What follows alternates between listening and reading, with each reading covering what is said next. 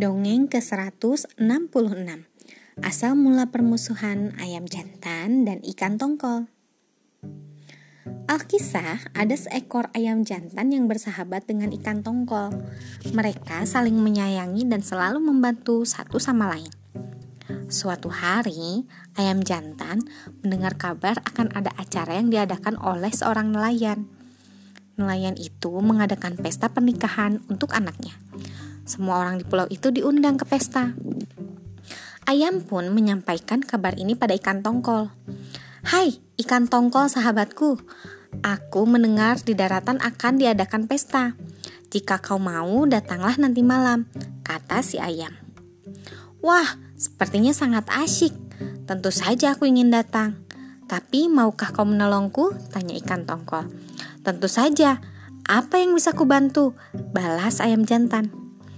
Begini, biasanya jika menjelang pagi, air laut akan mengalami gelombang surut.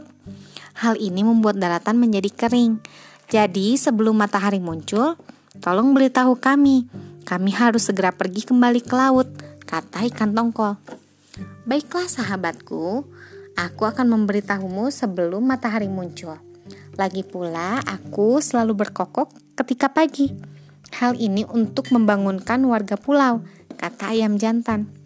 Terima kasih sahabatku, nanti malam aku akan datang ke pesta bersama teman-temanku, kata ikan tongkol.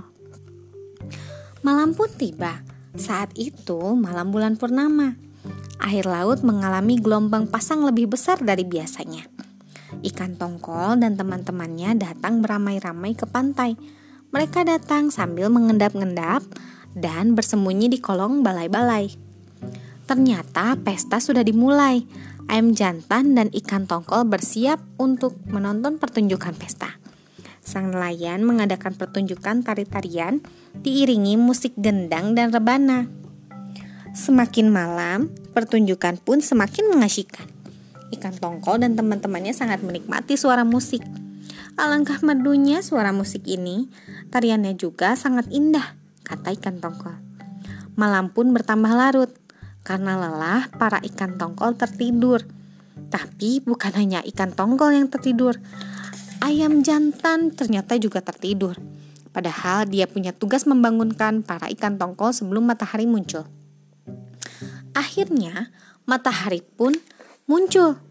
Ayam jantan pun terbangun dengan khawatir. Aduh, gawat! Aku lupa berkokok untuk membangunkan para ikan tongkol. Sekarang air laut sudah surut. Bagaimana cara ikan tongkol kembali ke laut? Mereka pasti marah padaku, pikir ayam jantan. Benar saja, para ikan tongkol terkejut ketika terbangun. Hari sudah pagi dan daratan sudah kering. Hal ini membuat mereka tidak bisa kembali ke laut. Para ikan tongkol berusaha ke lekuk-lekuk karang berisi air. Tapi, sebagian ikan tongkol terjebak di daratan. Pagi itu, para penduduk pantai heran melihat banyak ikan tongkol di daratan. Ikan tongkol itu menggelepar kekeringan di kolong balai-balai. Wah, kenapa di sini banyak ikan tongkol? Tanya seorang penduduk. Tanpa menunggu lama, penduduk pantai pun beramai-ramai menangkap ikan tongkol. Sementara itu, para ikan tongkol sangat marah pada ayam jantan.